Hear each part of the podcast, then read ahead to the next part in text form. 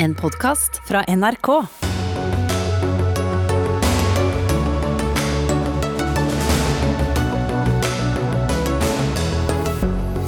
Norge hasteevakuerer ambassaden i Kabul. Taliban er på fremmarsj. Stor spenning i Afghanistan. Regjeringen varslet i dag raskere gjenåpning av Norge og utsettelse av trinn 4 i gjenåpningen bare med noen timers mellomrom. Hva betyr det, spør vi i Dagsnytt 18. Fastlege kaster seg inn i valgkampen. Prioriter oss, eller mist stemmene våre, advarer han. Og KrF fortsetter sin ferd godt under sperregrensen. Partiet kommer til å dø ut, spår rådgiver, tidligere rådgiver for Knut Arild Hareide. Ja, Dette er eh, noen av sakene i fredagens Dagsnytt 18. Jeg heter Espen Aas. Vi skal til den dramatiske situasjonen i Afghanistan etter hvert, men vi starter med hjemlige forhold. Under regjeringens pressekonferanse om koronasituasjonen i dag ble det klart at Norge enda en gang utsetter trinn fire av gjenåpningene. Nå sikter myndighetene seg inn på datoen 5.9. Datoen Folkehelseinstituttet tror alle voksne vil ha fått tilbud om vaksine. Men Saliba Andreas Korkunsch, statssekretær i Helse- og omsorgsdepartementet. I morges hørte jeg statsminister Erna Solberg si at nå fremskynder vi åpningen av Norge med to uker, og så kommer Bent Høie ettermiddag og sier at vi utsetter trinn fire av gjenåpningen. Hva betyr disse to tingene? Det er to milepæler fremover. og Det ene er når eh, alle voksne har fått tilbud om dose én, og det har gått tre uker. Da er de beskyttet. Det vil kunne skje. Eh, ikke, vi har ikke sagt noen dato, som du har sagt, 5.9., men der omkring så vil det kunne skje. For da har det gått tre uker siden ja, den dosen er satt. Så da vil 70% av Norges befolkning, hele befolkningen, være beskyttet mot alvorlig sykdom og død. Godt beskyttet. Neste milepæl etter det er når alle disse voksne har fått tilbud om å få dose to også, altså at de er fullvaksinert. Da har de ikke bare beskyttelse mot alvorlig sykdom og død, men også god beskyttelse mot å, å, bli smittet og spre smitte. Så det er disse to datoene vi snakker om. Den ene, da ser vi for oss at trinn fire kan iverksettes, men det er data, ikke dato, som avgjør. Eh, og det siste, altså når vi kan gå over til fasen etter trinn fire, en eh, normal hverdag med økt beredskap. Det vil kunne skje eh, når alle voksne nordmenn er fullvaksinert. Så det er de to milepælene vi snakker Forstår du at det kan fremstå som noe forvirrende at man varsler en raskere gjenåpning og utsetter gjenåpning eh, med bare noen timers mellomrom? Grunnen til at vi varslet en, en mulig raskere gjenåpning av hele samfunnet, det var fordi vi fikk én million ekstra doser fra Polen, Moderna-doser, så det er jo en fantastisk nyhet. Det påvirker når befolkningen kan bli fullvaksinert, den voksne befolkningen. Eh, det andre det gjelder jo da trinn fire, altså når eh, de som har fått dose 1 er beskyttet. Og det vil fortsatt være rundt tre uker frem i tid. Så vi må holde kontroll på smitten eh, frem til veldig mye større andel av befolkningen er beskyttet mot alvorlig sykdom. Men hva betyr det konkret for folk flest at vi utsetter trinn fire? Altså, hva, hva, er det som nå gjenstår? Det som nå gjenstår, det er mye større arrangementer egentlig. Altså øke antallsbegrensningen på arrangementer. Eh, og lette litt på dette med koronasertifikat på arrangementer, bl.a. Eh, ellers så er det en del mer å, fjerne mer avstandskrav i litt større grad på flere arenaer. Eh, og spesielt mye knyttet til utesteder, egentlig utelivet. At det blir eh, ikke lenger krav om boeservering og slikt. Så det er ikke veldig mye igjen i trinn fire. Eh, og eh, det som er nytt, eh, det er jo at selv om vi ikke går over til trinn fire nå, så gjør vi et råd fra Folkehelseinstituttet og Helsedirektoratet det er mulig for studenter å være fratatt avstandskrav i undervisningen. Og det er jo nettopp fordi vi hele veien har prioritert barn og unge først. Og vi ønsker å prioritere da studenter, som jo har båret en tung byrde gjennom pandemien. Mm.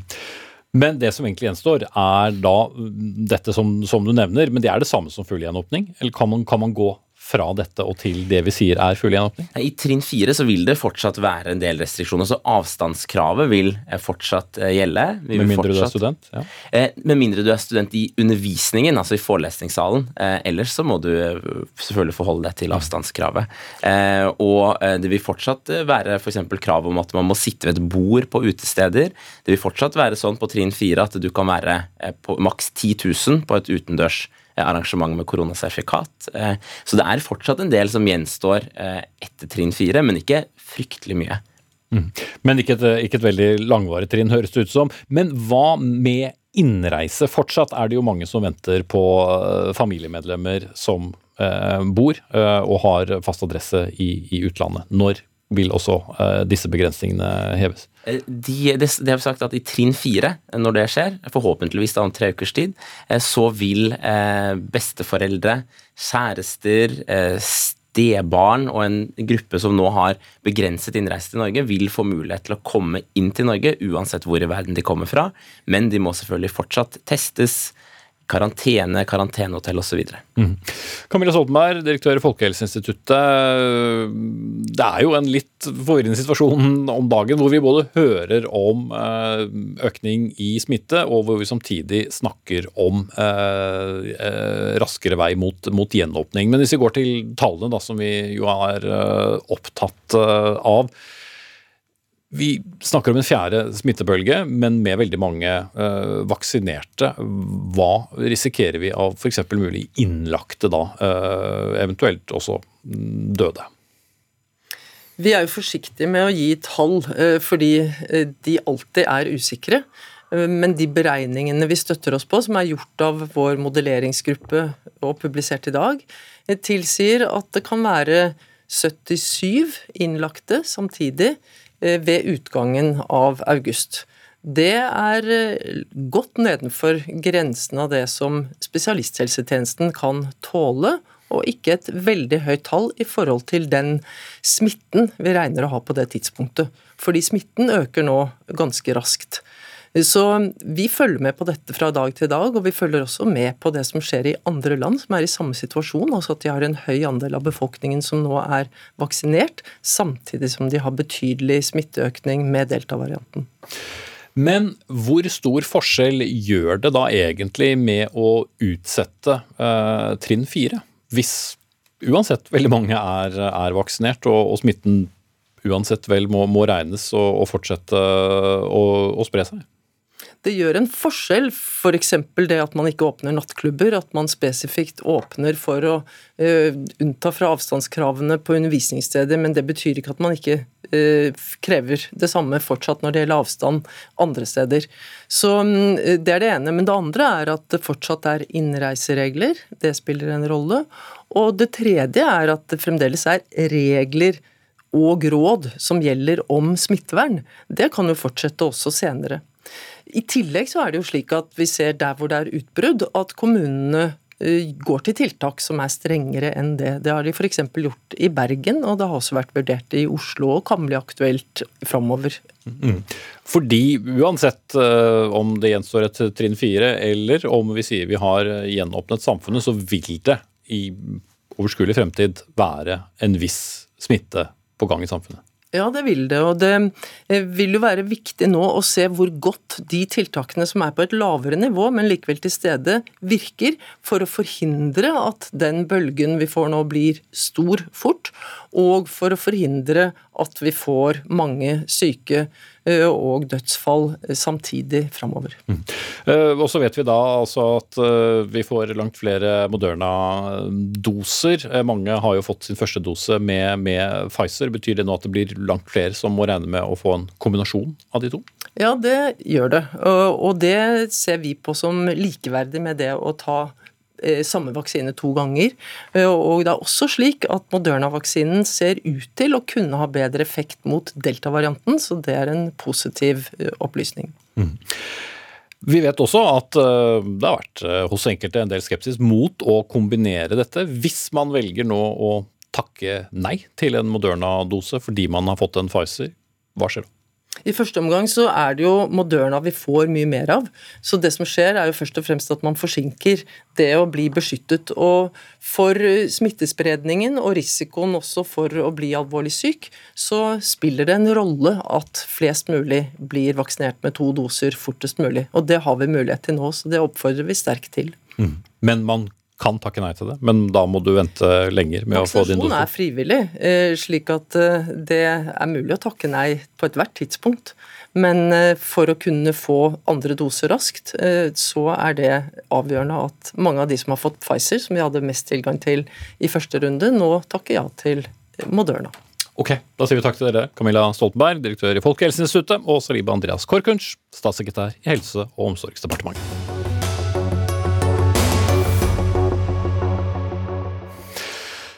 Syns du det er eh, vanskelig å få time hos eh, fastlegen, og når du eventuelt kommer deg til kontoret, så er du veldig raskt ute igjen? Vel, mangelen på fastleger har aldri vært større, ifølge Legeforeningen.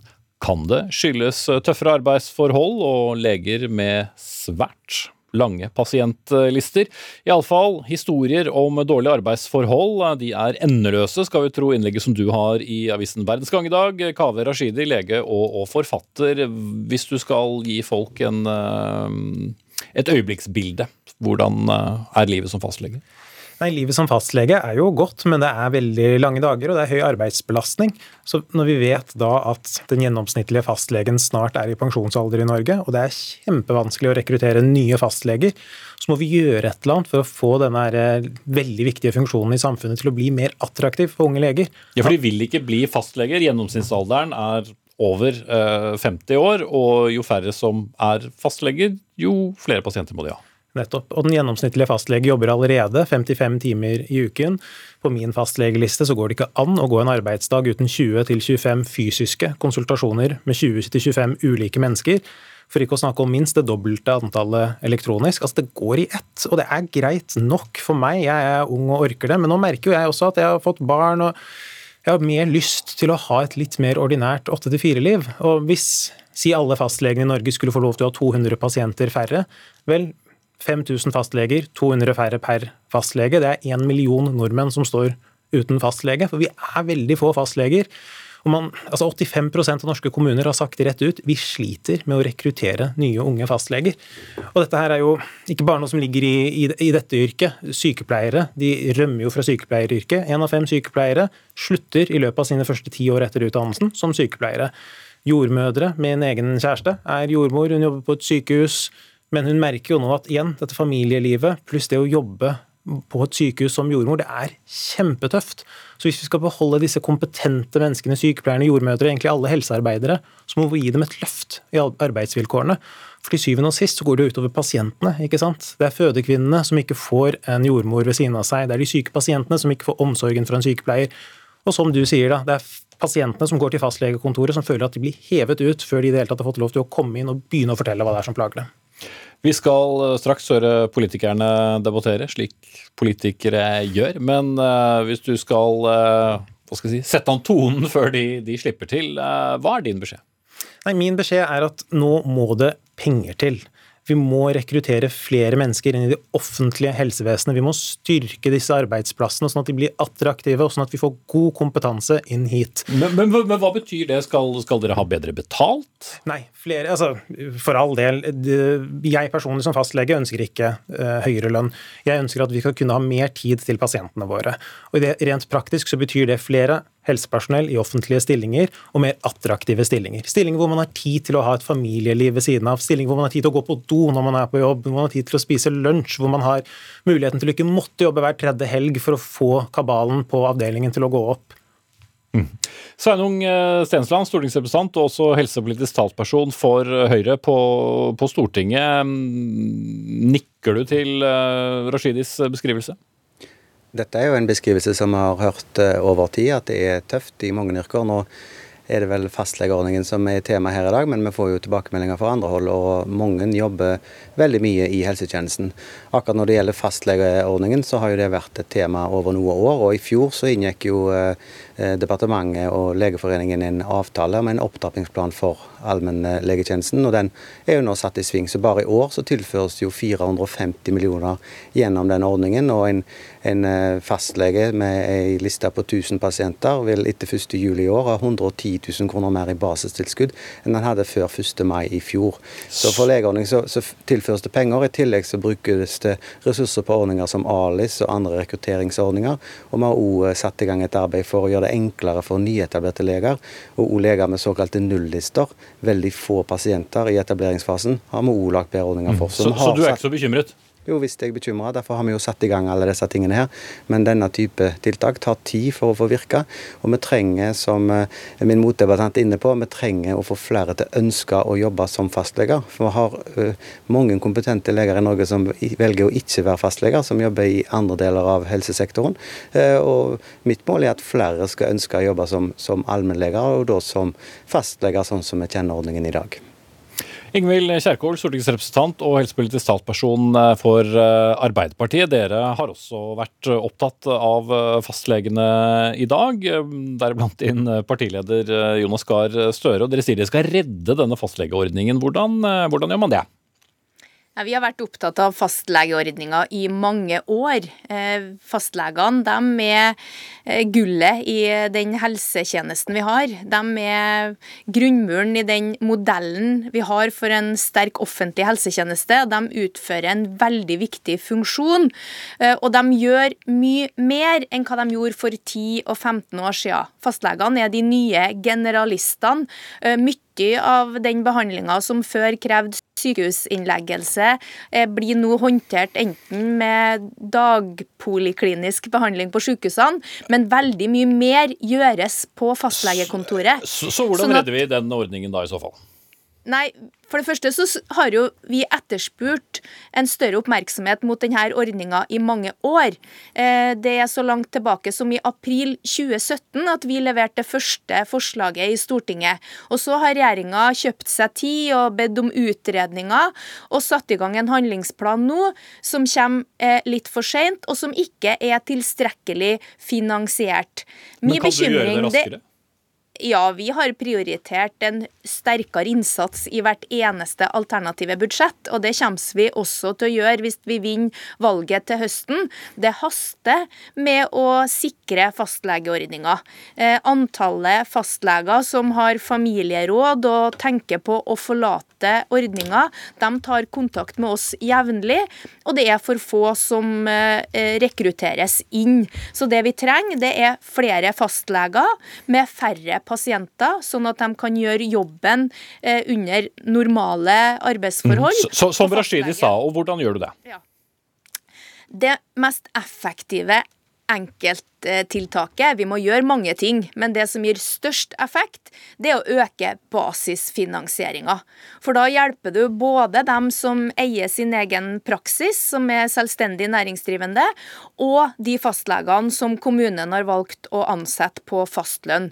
Så vi ønsker en kraftig økning av basistilskuddet. Det mener vi er nødvendig å sende et signal til de fastlegene som nå teller på knappene og ser seg om etter etter annet arbeid, og for å eh, lokke nye allmennleger inn i ordninga, som vi virkelig trenger. Og jeg har lyst til okay. å si det at den endringa vi nå har i demografi, det at vi får så mange eldre, det er de eldre i samfunnet som bruker fastlegen mest. Og det er der mye av den gode, trygge helsetjenesten for eldre også skapes. Ok, no, Notert. Eh, Stensland, eh, hva sier du om eh, Arbeiderpartiets utspill? Nei, Det er jo det vi gjør. Vi øker barseltilskuddet. Som sagt så er det økt med 110 000 eh, fra før mai i fjor til 1. juli i år. og eh, Vi har putta penger inn i rekrutteringsordninger, og vi har gjort det enklere for unge leger i, i, i, oppstartsfasen. Så vi gjør jo mye av det som Kjerkol etterlyser, og vi er satt i gang i, i godt samarbeid med Legeforeningen. og vi har veldig god dialog med Legeforeningen og enkeltleger som kommer med mange konstruktive innspill. For vårt mål er akkurat som Arbeiderpartiet å redde ordningen som en ordning der legene driver i egen næring, er selvstendige og gjør en stor innsats både for egne pasienter, men òg i arbeid i kommunene. Ok, Mye begeistring for det hos begge to. Men eh, et spørsmål da. Ifølge tall fra 2019 så hadde altså Norge 4,7 praktiserende leger per 1000 innbygger, mot 3,5 praktiserende lege, som er snittet for OECD-landene. Vi har også en veldig høy legedekning. Hvordan henger det da sammen med det, de virkelighetsbeskrivelsene som vi nå får? Spør du, spør du meg? Jeg begynner med deg, og så tar jeg runden.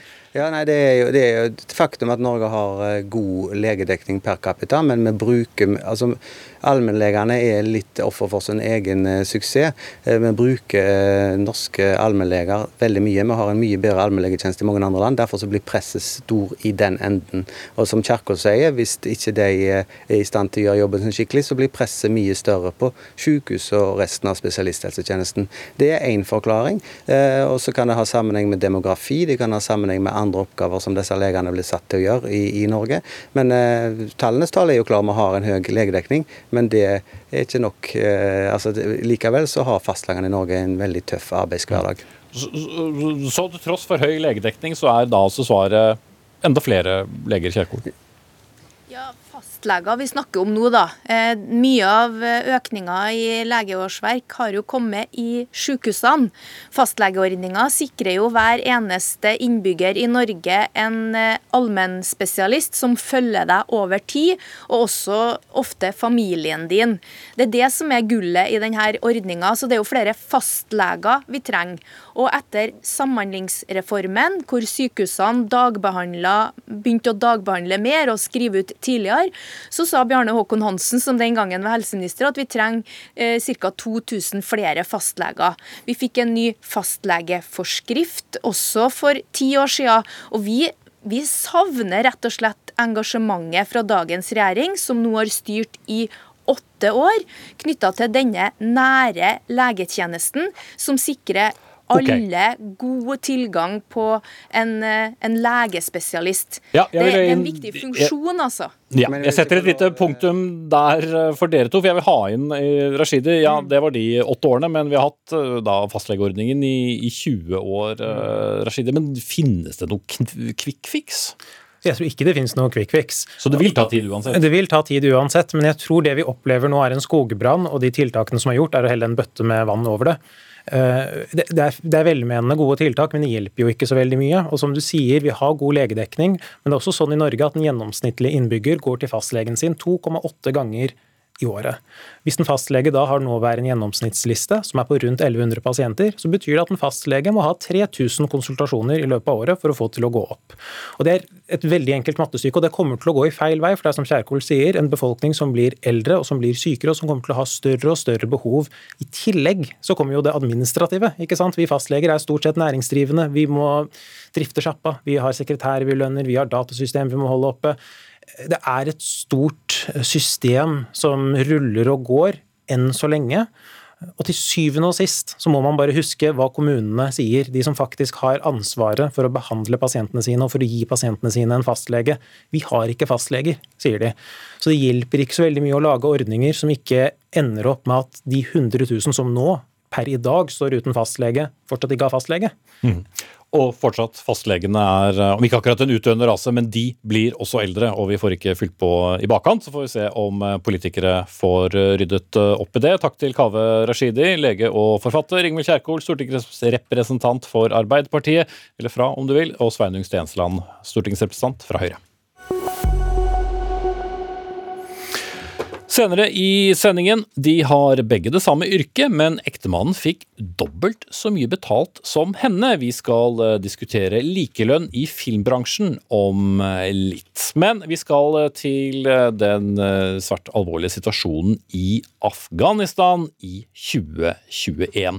Regjeringen her hjemme bestemte nå i ettermiddag for å hasteuttrekke samtlige ansatte ved ambassaden i Afghanistans hovedstad Kabul, og nå i ettermiddag har også Nato hatt et krisemøte krisemøte for å diskutere situasjonen i landet. Etter planen skal jo som kjent Nato og amerikanske styrker trekkes ut av landet innen 11.9, samtidig som vi ser Taliban legge by etter by under seg. Yama Wolasmal, vår mann i Midtøsten. Dette møtet som eh, Nato startet klokken 15 i ettermiddag, hva konkret kom ut av det? Du, Agendaen for dette møtet var eh, den eh, evakueringen som nå settes i gang av eh, vestlige borgere ut av et Afghanistan som mer eller mindre er i ferd med å implodere. USA har bestemt at de vil sende 3000 soldater til Afghanistan innen 48 timer. Britene har også bestemt at flere hundre britiske soldater skal inn til Kabul for å hjelpe å evakuere ambassadeansatte. Den amerikanske ambassaden har rundt 4000 ansatte i Kabul Kabul. Eh, rundt 1500 av dem er amerikanske borgere, resten er lokalt ansatte. og USA har gjort det klart at alle disse, også de lokalt ansatte med familier, skal evakueres ut av eh, Afghanistan. Det er en formidabel oppgave. og På dette møtet så diskuterte man hvordan man skal koordinere dette arbeidet. Eh, for det er nok slik at flere Nato-land nå slår seg sammen i arbeidet med å evakuere sine ambassadeansatte ut av landet. Vi har altså hatt eh, tilstedeværelse da i, uh, i, i flere tiår. Vi ser nå likevel uh, Afghanistans regjeringssoldater som er på retrett, og tilsynelatende ganske enkelt for Taliban å legge den ene byen etter den andre under seg. Hva er det som, som skjer? Det er nettopp som du sier, vi ser en regjeringshær eh, som til tross for enorme ressurser som er brukt på soldater som vestlige land har valgt å trene, som i stor grad nå ser ut til å kollapse. Jeg har de siste dagene snakket med folk i Sør-Afghanistan som har sett noen av de verste kampene mellom regjeringssoldater og Taliban. Eh, og Der har folk fortalt meg hvordan eh, hundrevis på hundrevis av fotsoldater fra regjeringens side har valgt å legge ned våpnene overgitt seg til Taliban og overlatt eh, baser, militære baser og stillinger fullastet med våpen og militært utstyr til Taliban. Det er en av grunnene til at Taliban har klart å ta 15 provinser på litt over eh, eh, uke. Mm. Og Nå er selvfølgelig mye spenning knyttet til om uh, hva som skjer i hovedstaden Kabul, hvor altså mange trekker sine folk ut fra ambassader. Vi skal til Trondheim nå. Sonja Akhmadi, du er forskningsråd rådgiver ved Institutt for tverrfaglige kulturstudier på NTNU i, i Trondheim, og, men er også selv afghaner. Uh, og, og, fikk asyl i Norge for 13 år siden. og Du skriver litt om denne situasjonen i dagens uh, Aftenposten. Hvordan opplever du det du nå ser? Eh, dette her er helt uh, fryktelig, helt forferdelig. Som vi kan se i Afghanistan, er det uskyldige sivile uh, befolkningen som betaler den høyeste prisen. etter at USA, USA, Nato og det internasjonale samfunnet bestemte at de skal trekke sine trupper ut av Afghanistan. så det er veldig trist, det som vi opplever akkurat nå.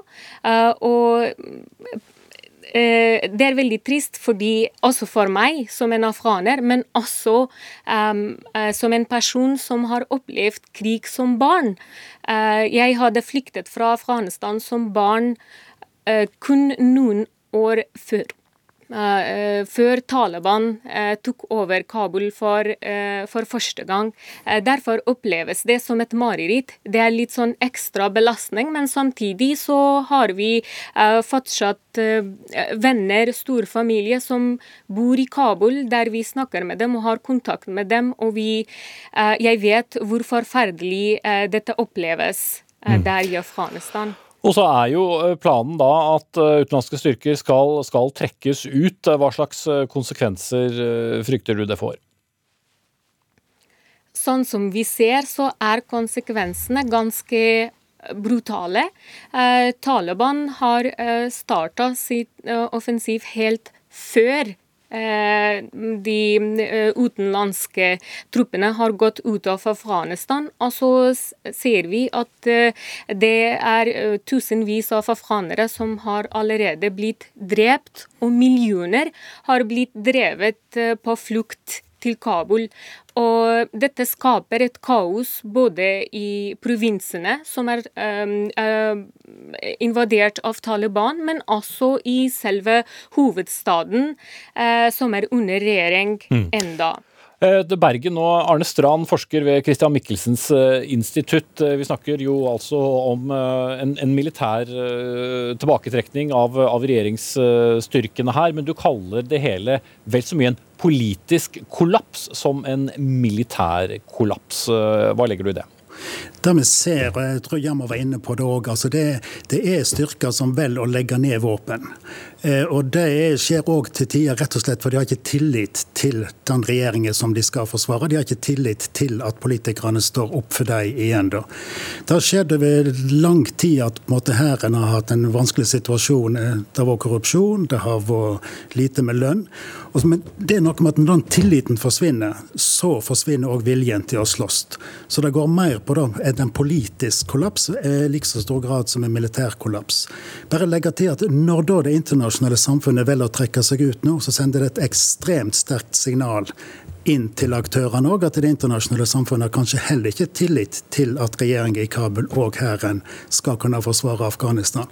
Og Dermed så får du en akselererende kan si, prosess her igjen. da. Hvis du skal si noe som er positivt for å legge til da, er at etter flere plasser der det blir en overgivelse uten bruk av militærmakt, etter mindre sivile ofre blir det. Som ellers hadde vært en enormt stor bekymring i dagens situasjon.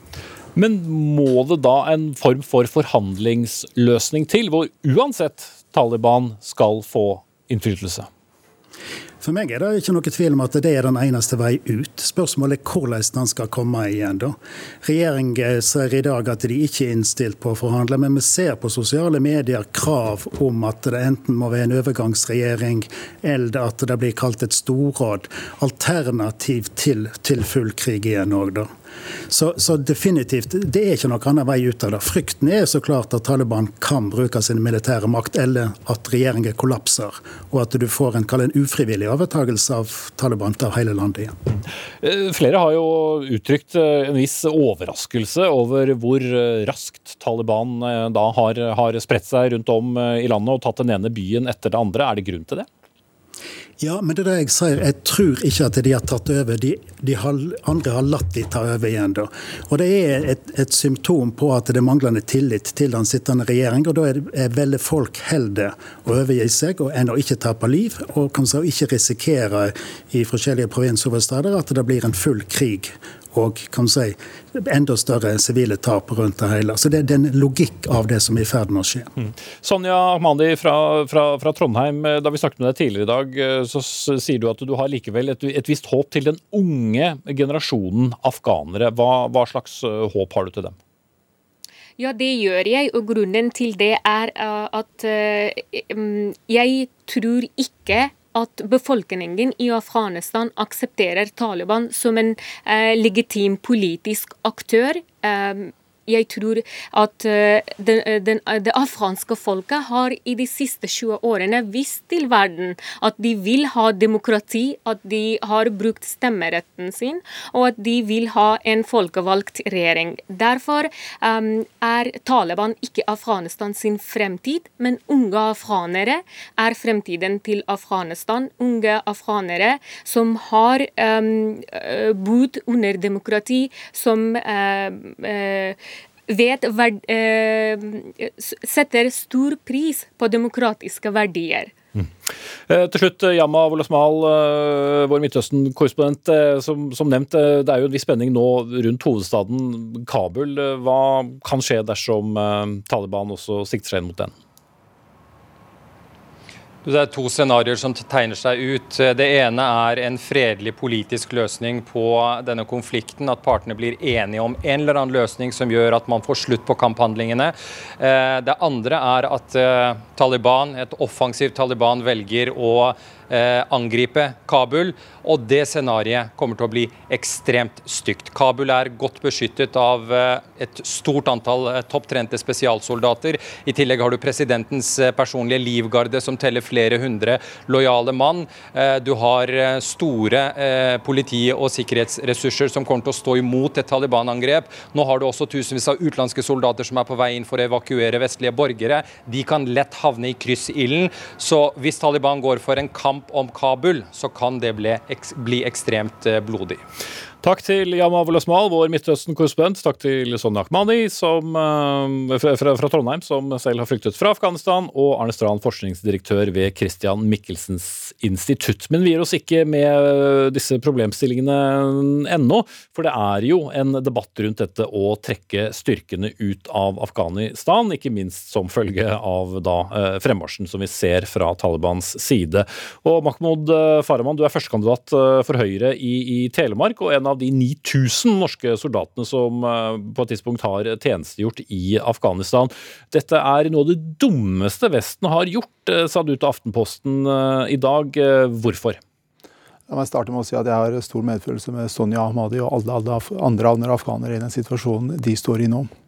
Eh, jeg mener at uttrekningen er prematur. Eh, vi ser veldig tydelig, som beskrives både av eh, Strand og Wollesmal, at afghanske styrker og politiske institusjoner ikke er i stand til å stå imot det vi ser av fremmarsjen av Taliban. Så må jeg legge til at jeg tror det er stor forskjell på distriktene, altså det, det rurale Afghanistan, det urbane Afghanistan, på, på Talibans fotfeste. Men uansett så vil denne fremmarsjen av Taliban ha konsekvenser. En av de store konsekvensene vi står overfor nå, er at vi risikerer en mulig eh, migrasjonskrise. Vi må være forberedt på å løse den på en eh, anminnelig og god måte, iallfall bedre måte enn det vi var forberedt på eh, for noen år siden. Mm. Men eh, er engasjementet likevel noen suksesshistorie, da? Engasjementet i Afghanistan har hatt noe bra ved seg, men vi skulle nok ha holdt ut litt lenger. Og så må jeg legge til at det ville vært uansvarlig for Norge å beholde igjen noen hundre militære militære personell i Afghanistan uten at NATO valgte, ettersom Nato valgte å trekke seg ut. Eh, det som har vært bra i Afghanistan, eh, er at vi klarte å, å, å etablere noen fungerende eh, institusjoner. Iallfall i en periode, så lenge vi klarte å støtte de. Mm. Men, men, utover det så har det vært en svært krevende situasjon. Og, og det som Strand også påpekte med, med bestikkelser og, og slikt, det er ikke noe nytt. Det har jo vært Hele perioden jeg var der, var jo samme situasjon. Mm.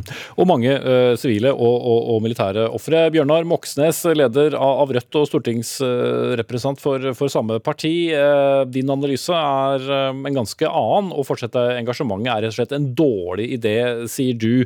Eh, hvor, hvorfor er det en god idé å, å trekke seg ut og, og overlate afghanerne til seg selv?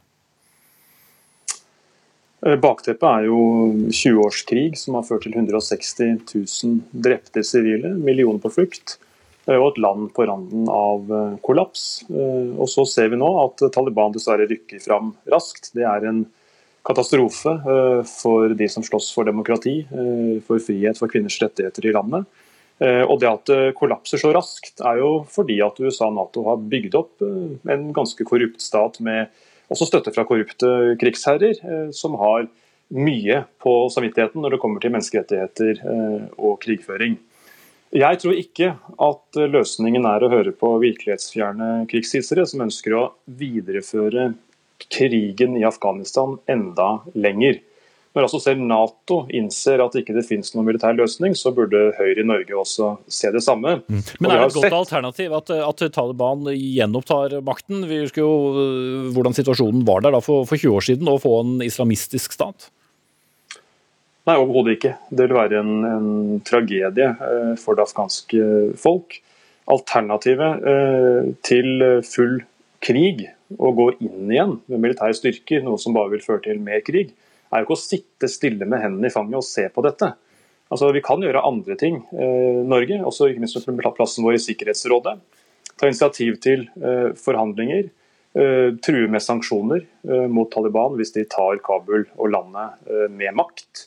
Og også ikke minst trappe opp bistanden. Og for, for, det fjerde og siste, jeg holdt på å falle av stolen da jeg hørte på Dagsnytt 18 eh, her om dagen, hvor altså Høyre skulle forklare hvorfor ikke Norge tar imot de som har hjulpet oss eh, og vårt forsvar i Afghanistan, for de nektes innreise i og opphold i Norge. Så Det er det siste vi kan gjøre, naturligvis. og Det vil også utfordre Farahmand på. De som har hjulpet oss som kokker, renholdere, alt mulig annet som nå er på Talibans dødslister, de bør, bør få være med på lasset? de må naturligvis hentes hit, sånn som USA gjør, og Canada. Mens altså høyreregjeringa har altså gått til, vært i krig i mange år, brukt masse penger på det, sendt soldater, men nekter å hjelpe de som med livet som innsats. Ok, Vi får ta det litt de uh, stykkevis og, og, og, delt for de uh, fire og et halvt minuttene vi har igjen her, uh, Farahman. Men, men, men, løsningen da fra, fra Moxnes og Rødt sin side først? Eh, løsningen som beskrives der, å ta imot masse flyktninger, selv de som har hjulpet oss til Norge, tror jeg er en forferdelig dårlig løsning. Tredjeland og nærområdene er den beste løsninga. Mange av disse tolkene som det snakkes om, har nok sikret seg eiendommer både i Pakistan og Tadsjikistan og Usbekistan, så, så, det løser seg på sett og vis. Men andre land eh, henter dem ut? Eh, andre land henter det ut, det kan for så vidt være. Men jeg tror den beste løsninga er å finne en løsning i nærområdene med tredjeland. Eh, det er nok den mest nærliggende løsninga for, flest, flere av de. Og så må jeg si at jeg vil ha meg frabedt at jeg er virkelighetsfjern. Den, den retorikken setter jeg ikke pris på.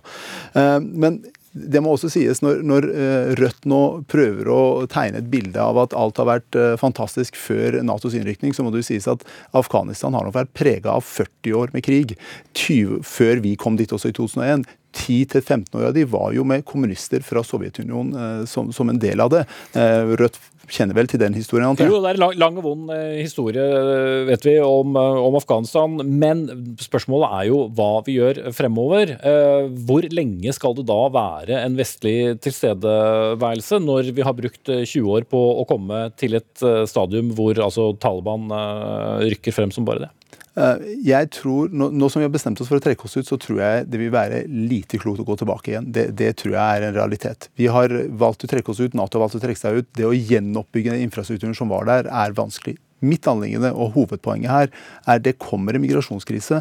Den må vi ha en løsning på, og løsninga ligger i tredjeland og nærområdene. Det er lettere sted, områder for folk å integrere seg, og lettere for de å bli boende. Moxnes så tenker jeg vel at eh, det kravet som stadig flere ser fornuften i, at eh, de som ber om eh, og trenger tilflukt i Norge, som har jobba for oss i Afghanistan, må vi naturligvis ta imot, på linje med hva USA og også Canada gjør. Det er det første. Det andre er at vi kan naturligvis nå trappe opp bistanden til landet. Det vil være viktig for å avhjelpe situasjonen som er dramatisk for mange i landet. Og så er det viktig å holde fast ved, tror jeg, at uh, vestlig militærintervensjon intervensjon i landet har altså ikke akkurat ført til verken demokrati eller frihet eller fred for afghanske folket. Dette er noe som dessverre har ført til store sivile lidelser. Jeg har liten tro på at en videreføring av det vil, vil føre fram. Mm. Men, men, har Vesten Norge i Sikkerhetsrådet bruker den plassen til å spille en mer aktiv rolle for å prøve å legge press på Taliban. Og jeg tror Vær, vær, så god, Farman. Beklager at jeg avbryter, men altså, Tror du Moxnes virkelig at Taliban hører på Sikkerhetsrådet? Altså, Vi snakker om, om en organisasjon eller kall det entitet, som i ti år var avskåret fra hele verden. De tar ikke noe ordre imot altså, fra Sikkerhetsrådet. De, de forholder seg til boikotter. Du vet det at, at, vi har ingen illusjoner. Uh, om, om, Taliban i det hele tatt. Det vi tror heller ikke at det var, at det var Nei, overhodet ikke. At det var fred og fordragelighet før invasjonen heller. Vi er fullt klar over det. Men eh, vi må prøve å legge press alle de veier vi kan. og det er klart at Truslene om isolasjon av regimet, at eh, pengestrømmene stanser fullstendig opp, vi får jo håpe at det kan bidra. Men først og fremst må vi, eh, må vi avvise disse intervensjonistiske, krigsromantiske ideene, som kun vil føre til mer lidelse for de sivile, mer ustabilitet, mer kaos. Og som jeg hørte fra de to innledende debattantene, det er jo ikke mer krigshandlinger som ønskes, eh, det er å få i stand forhandlinger for å få freds, eh, fredelig løsning og gjøre slutt på krigshandlingene for å unngå ytterligere sivile lidelser, som dessverre har vært mer enn nok av i Afghanistan de siste 20 eh, årene, og som jeg håper at vi snart kan se en ende på, uten at da det betyr at Taliban tar over hele landet, og at det kan bli et, en veldig farlig situasjon hvis det nærmer seg Kabul. Men, men tror du det selv, sånn som situasjonen er nå, Moxnes? Nei, Det ser veldig dramatisk ut. og Det er desto mer grunn til at Norge straks og umiddelbart sørger for det som Høyre har stritta imot, nemlig at de menneskene som er på Talibans dødsliste pga. innsatsen for Norge, Ok, det, det, det, har du nevnt, og Farahman har uh, svart på det. Så jeg setter uh, strek. Sikkert er det at uh, Afghanistan går imot en veldig usikker fremtid. Takk til Mahmoud Farahman, førstekandidat for Høyre fra Telemark, og Bjørnar Moxnes, leder og stortingsrepresentant for Rødt.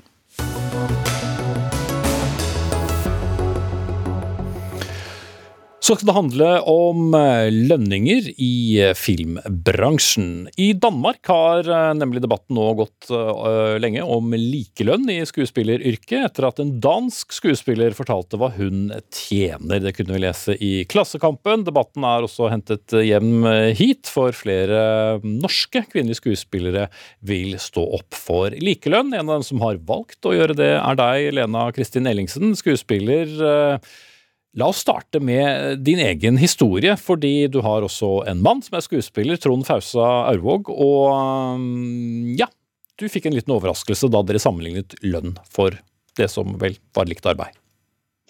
Ja, det stemmer. Eh, nå er jo jeg i den unike situasjonen som kvinnelig skuespiller at jeg faktisk har tilgang på den informasjonen eh, om hva mine mannlige eh, kollegaer tjener. Og da vi gjorde et prosjekt for noen tid, for en tid tilbake. Så eh, etter at jeg hadde eh, forhandla ferdig min lønn, så fikk jeg da vite hva han fikk per dag, og det var dobbelt så mye som da jeg fikk. Mm. Hva tenkte du da? Eh, jeg ble rett og slett eh, veldig sint eh, og sa ifra til produsenten med en gang. Eh, og eh, ja, hun kunne ikke noe annet enn å beklage, men ja.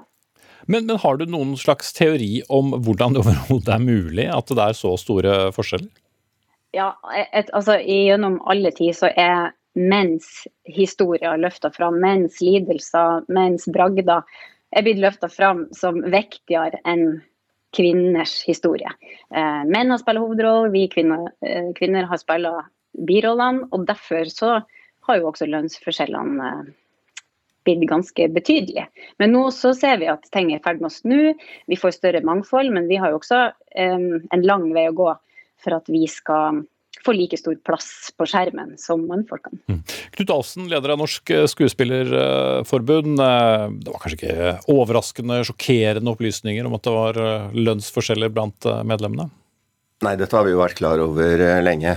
Og veldig enig med Lena at uh, dette må vi jo få gjort noe med. Mm. For det, det, var jo Den forrige undersøkelsen, som vel er ti år gammel, uh, tydet jo på ganske store forskjeller. Hvorfor uh, er det så vanskelig å gjøre noe med det, og hvem er det som ikke har gjort jobben sin? Altså Det er jo sånn at vi har et tariffavtalesystem med filmprodusentene som baserer seg på en minstelønn. Og så kan skuespillerne forhandle seg opp fra det. Så da handler det om hvilken individuell forhandlingsstyrke de har. Og da vil det jo selvfølgelig være mye lettere å forhandle lønna opp fra minstelønnen hvis man er en uh, kjent person som trekker publikum til filmen. Mm. Og det er det bare menn som er? Det er det ikke bare menn som er, men som Lena sier, så er det flere menn som blir profilert. Og det gjør at det blir flere menn som kommer i den posisjonen at de får en større forhandlingsstyrke. Mm. Men som leder av Norsk Skuespillerforbund, hvilket ansvar uh, føler du at uh, dere har for å, å gjøre noe med dette? Ja, Dette har vi et stort ansvar for, og vi tar det veldig på alvor. Og det er klart at uh, For det første så må vi jo forhandle opp minstelønna. For det er klart at I det øyeblikket hvor også minstelønna er en anstendig lønn, så blir det mindre rom for filmprodusentene til å ha et stort uh, gap. Uh, så må vi bli flinkere til å snakke om hva vi tjener, sånn at vi kan avdekke det her. For det er veldig ofte så holder folk det skjult hva de tjener. Så må vi skaffe oss informasjon om hvordan det er. Vi må ha bedre datagrunnlag. Så det må vi også skaffe. Mm. Synnøve Hørsdal, daglig leder og produsent i Maipo film. Eh, ja, er det bare sånn det er, og må være sånn? Nei, det er selvfølgelig ikke sånn det kan være og skal være. Så det må vi jo gjøre noe, eller må vi jo kontinuerlig prøve å gjøre noe med. Eh, vi har absolutt en bevissthet på lønnsnivå mellom eh, for spesielt skuespillere, i og med at de er mye um, større variasjon i lønnen enn andre filmarbeidere. De har, de har jo normallønnsforhandling, hvor de da stort sett går på det samme. Mens på skuespillerne, når de har minstelønn, så blir det veldig veldig mye større variasjon. Ut, ut fra forhandlingene som, som Alfsen uh, ja. forteller her, da. Men eh, det kan vel ikke være en så enkel forklaring i 2021? Jeg har i hvert fall ikke bare sett uh, produksjoner fulle av fantastiske menn og ingen kvinner. At uh, det bare er mennene som presterer bra eller er fantastisk gode på å forhandle? Nei, absolutt ikke. Eh, jeg tror vi må jo finne ut av hvor stort er dette. Det vet faktisk ikke jeg, altså. Jeg må jo bare si det. Jeg syns vi har veldig lite tall. Kan si, hvordan skal vi få det til i en frilansbransje på, på, en god måte for å få det faktisk synlig uh, hvor store forskjellen er. Mm. Så, så, så, fra produsentsiden så, så vet du ikke, rett og slett? Nei, jeg vet at vi har en fokus på det internt hos oss, men vi er jo bare ett selskap. Som, eh, som, arbeidsgiverforening så har vi ikke noe statistikk på det, nei. Men bare for å spørre konkret, da, hvordan, hvordan er det hos deg? Er det også sånn at uh, mennene stikker av med den høyeste lønna, og kvinnene kan få tjene halvparten? Ja. Nei da. nei, det er det, det er det, absolutt ikke. Uh, og vi prøver jo å se på det, altså rett og slett systematisk. Mm. Men du avviste i hvert fall ikke at det var uh, slik tingenes uh, tilstand var? Nei, men, nei, det er ikke sånn. Det, det er ikke sånn at, men jeg kan ikke avvise at ikke vi òg er noe eh, Behandler noe av det som, som Lena sier. Altså, hvem er det som blir sett på som eh, av det kommersielle da, som den største verdien? Hvem er det distributørene mener at er verdt det? Alle disse eh, mekanismene som ligger der. Jeg kan ikke sitte her og si at det er ikke påvirket av noen av de. I og med den forrige store undersøkelsen da var i, i, eh, i 2011, altså for ti år siden, er det på tide å, å, gjøre dette igjen? Hvis eh, din konklusjon er at eh, det ikke har blitt så mye bedre? Ja, det syns jeg absolutt. Veldig positivt det du sier nå, at kanskje vi kunne samarbeide og skaffe til veie bedre tall på dette her. og ja, for ingen vil vel tape på mer kunnskap om, uh, om lønnen, og at det ikke det må være en, uh, en, en oppdagelse ved frokostbordet eller sengekanten, eller hvor man diskuterer uh, lønn? Nettopp, og det gir jo grunnlag for en saklig diskusjon om uh, hvordan vi kan uh, forsøke å få en slutt på dette. Mm. Lena Kristin Engelsen, du har jo hørt på, på disse to. Uh, hvilke tanker gjør du deg? Du er jo selv vi må jo nevne det, en, en prisbelønnet skuespiller med lang merittliste bak deg. Eh, jo, eh, takk. Jeg tenker at det går an å gjøre en undersøkelse basert på de kontraktene som er blitt laga med eh, alle oss som har jobba med film og TV, kanskje de siste ti årene, for å se og avdekke disse forskjellene. For de tror jeg er, ligger på kanskje samme nivå som hos danskene. Jeg tipper høyere, det blir spennende å se. Og de tilfellene som jeg kjenner til. For det er jo sånn at vi snakker med hverandre nå. Uh, vi har fora eh, som tar for seg eh, forskjellsbehandling og eh, hvordan lønn og hvordan arbeidsforhold som, som befinner seg rundt i de forskjellige produksjonene. Så vi vet, nå vet vi både blant oss kvinner og vi snakker med våre mannlige kollegaer om hva de tjener. Så det skal alle produsenter vite. At når vi nå går inn i forhandling med de, så krever vi å bli tilbudt det samme i utgangspunktet. Og at vi går ut og får samme lønn til slutt som våre mannlige ekvivalenter. Mm. For jeg går ut fra at uh, dere vil fortsatt ha en ordning med en minstelønn, og så uh, ha rom for å forhandle på toppen? Ja, det er jo vanskelig i film- og TV-bransjen å regulere dette på samme måte som på teater. Uh, det er mange faktorer som spiller inn, men um, Ja, for på teater man, kan man fort være fast ansatt, men det er vanskelig å være fast ansatt i forskjellige filmproduksjoner. Ja, og på teatret så har man ansiennitet å gå etter, og kun da. Eh, og det er litt vanskelig på film og TV. Men um, jeg vil foreslå at Skuespillerforbundet f.eks. ser på sine avtaler med Virke produsentforeninga. Kan man faktisk få inn um, et krav om at vi damene ikke skal tjene mindre uh, enn våre uh, de, man, de mannfolkene som vi kan sammenligne oss med. Mm. Uh, det ville vært interessant. Vi lar dere få med dere det på veien ut, så tar jeg rulleteksten. Lena Kristin Ellingsen, skuespiller. Knut Alfsen, leder i Norsk Skuespillerforbund. Og Synnøve Hørsdal, daglig leder og produsent i Mai på film.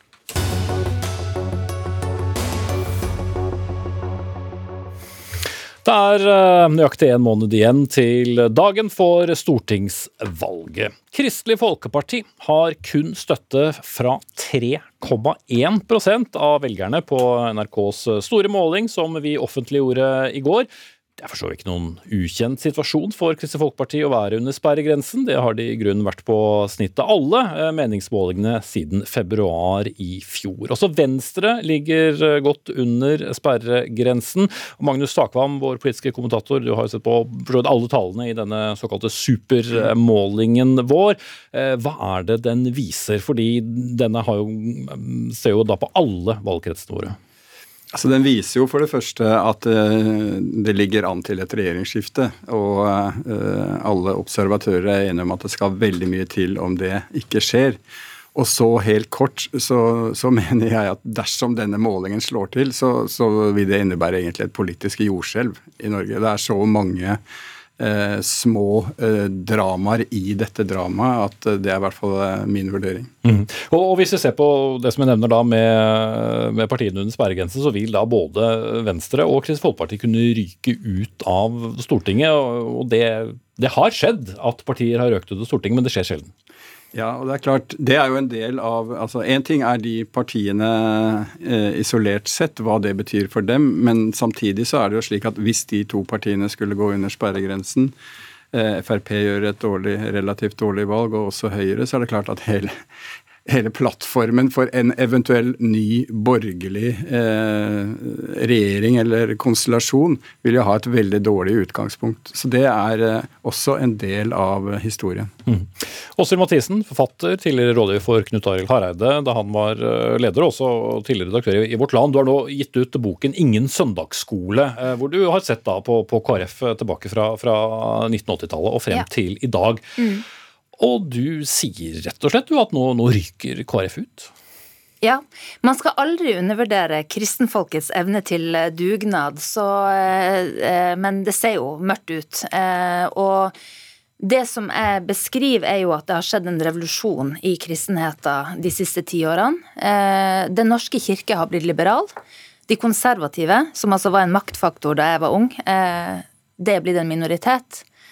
Eh, så de liberale har jo på en måte overtatt eh, blitt, altså Folkekirka er liberal, og, og eh, ironisk nok så har de konservative da tatt over KrF. Da er det jo eh, forståelig at de ikke har så lyst til å gi slipp på KrF når de eh, på en måte har tapt eh, makta i kirka. Så, så, det er på en måte det som jeg mener Hareide forsøkte på når han kom med sitt valg om venstresida, var egentlig å appellere til det nye kristenfolket, den nye kristenheten som er liberal, og som har nye eh, hjertesaker som klima, flyktninger, miljø, solidaritet. Mm. Eh, men den tapte, og da var det på en måte Ropstads prosjekt som er da å appellere til den kjernen. Mm som du for så vidt hadde noe begrenset uh, begeistring for? Det er, det er, ikke det at jeg har uh, begrenset altså det, det, handler bare om at den, uh, den, gjengen blir det stadig færre av. Så for et politisk parti så er det jo ikke noe bærekraftig strategi å henvende seg kun til den gruppa, og ikke til resten av kristenheten. Ja, det, takk for, det er jo dette med, med grunnfjellet da, i, i partiene. Hva sier du til Mathissens analyse? Altså, Denne målingen vår, da, for å være konkret, viser jo at det er kun Ola Bollestad og Ropstad som ville kommet inn fra sine fylker eller valgdistrikter eh, i denne målingen. Og det er klart det er eh, Jeg har også snakket med en del av de folkene som i utgangspunktet var positive til Hareides linje, og det er ingen tvil om at det er mye desillusjon også blant dem, og generelt rundt Kristelig Folkeparti. Og bare som som et lite eksempel som ble nevnt for meg, var da Ropstad nå nylig sa kategorisk at de, altså KrF, etter et eventuelt valgnederlag ikke ville overhodet samarbeide om budsjett og, og slike ting med en eventuell ny regjering. Og det, det, det, det, blir det sagt, det reagerer en del folk på. fordi eh, Da, da forsegler de på en måte skjebnen? Ja, da er du på en måte så lojal til et regjeringsprosjekt som ser ut til å være på vei ut, at, at det trumfer på en måte hensynet til partiet, mener mange, fordi det er tross alt et sentrumsparti som bør kunne samarbeide litt begge veier. Det, er det, ene, er det ene perspektivet, men det andre er at det jeg tror Ropstad prøver på da, er å appellere til den eh, eh, aversjonen mange kristenfolket har til venstresida. Eh, så det er det han prøver. på en måte, Han bruker et sånt symbolspråk med på en måte, de tar vi avstand fra. Og det jeg mener er at det, det handler egentlig om teologi. Eh, det handler om det, det liberalteologiske eh, og de sosialistiske kreftene mm. som han ikke vil slippe til. Men fikk jo en marsjordre. Det var jo en grundig prosess i partiet. De landet der de landet. Kunne han og partiet gjort så mye annerledes nå, da, uten å måte, vende, vende, ryggen til, til nettopp Ropstad. det? Ja. Ja, Han kunne jo inkludert venstresida sånn som han sa han skulle, og det har de eh, med ord hele tida sagt at de gjør. Eh, og med ord sier de at de er et sentrumsparti, og de er, eh, de er kristendemokrater. Men i handling så er de ikke det, og det viser jo bare altså Den ene etter den andre av de som på en måte har vært profilerte på den såkalte venstresida, har jo bare forsvunnet ut av partiet. Så det er jo helt åpenbart at det er ikke en inkluderende, det er ikke et inkluderende eh, KrF vi ser i dag. Ropstad sier eh, nå at eh, vi står samla. Ja, det er veldig enkelt å stå samla når man bare er en fløy igjen. Mm. Ja, Magnus, det blir en spennende måned, og nå blir det veldig intenst. Det gjør det, og det som jo har blitt mest oppmerksomhet rundt nå, er jo rett og slett den ehm, ja, diskusjonen om hvordan skal en eventuell rød-grønn regjering se ut. Man har allerede liksom uh, casha inn at det blir regjeringsskifte. Uh, så det er jo veldig talende, da. Og der vil jeg si at uh, denne målingen viser og bekrefter det bildet som vi har sett lenge, om at Norge er på mange måter et delt land. altså mm. Det er et distriktspolitisk, distriktspolitisk og et bypolitisk skisma. Jeg må sette strek der. Ansvarlig for sendingen, Dag Dørum, Eli Kyrkjebø tok seg av tekniske. Jeg heter Espen Aas, vi er tilbake fra Arendal på mandag.